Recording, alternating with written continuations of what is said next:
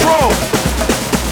Look, where your focus goes, your energy flows. Are you hearing me?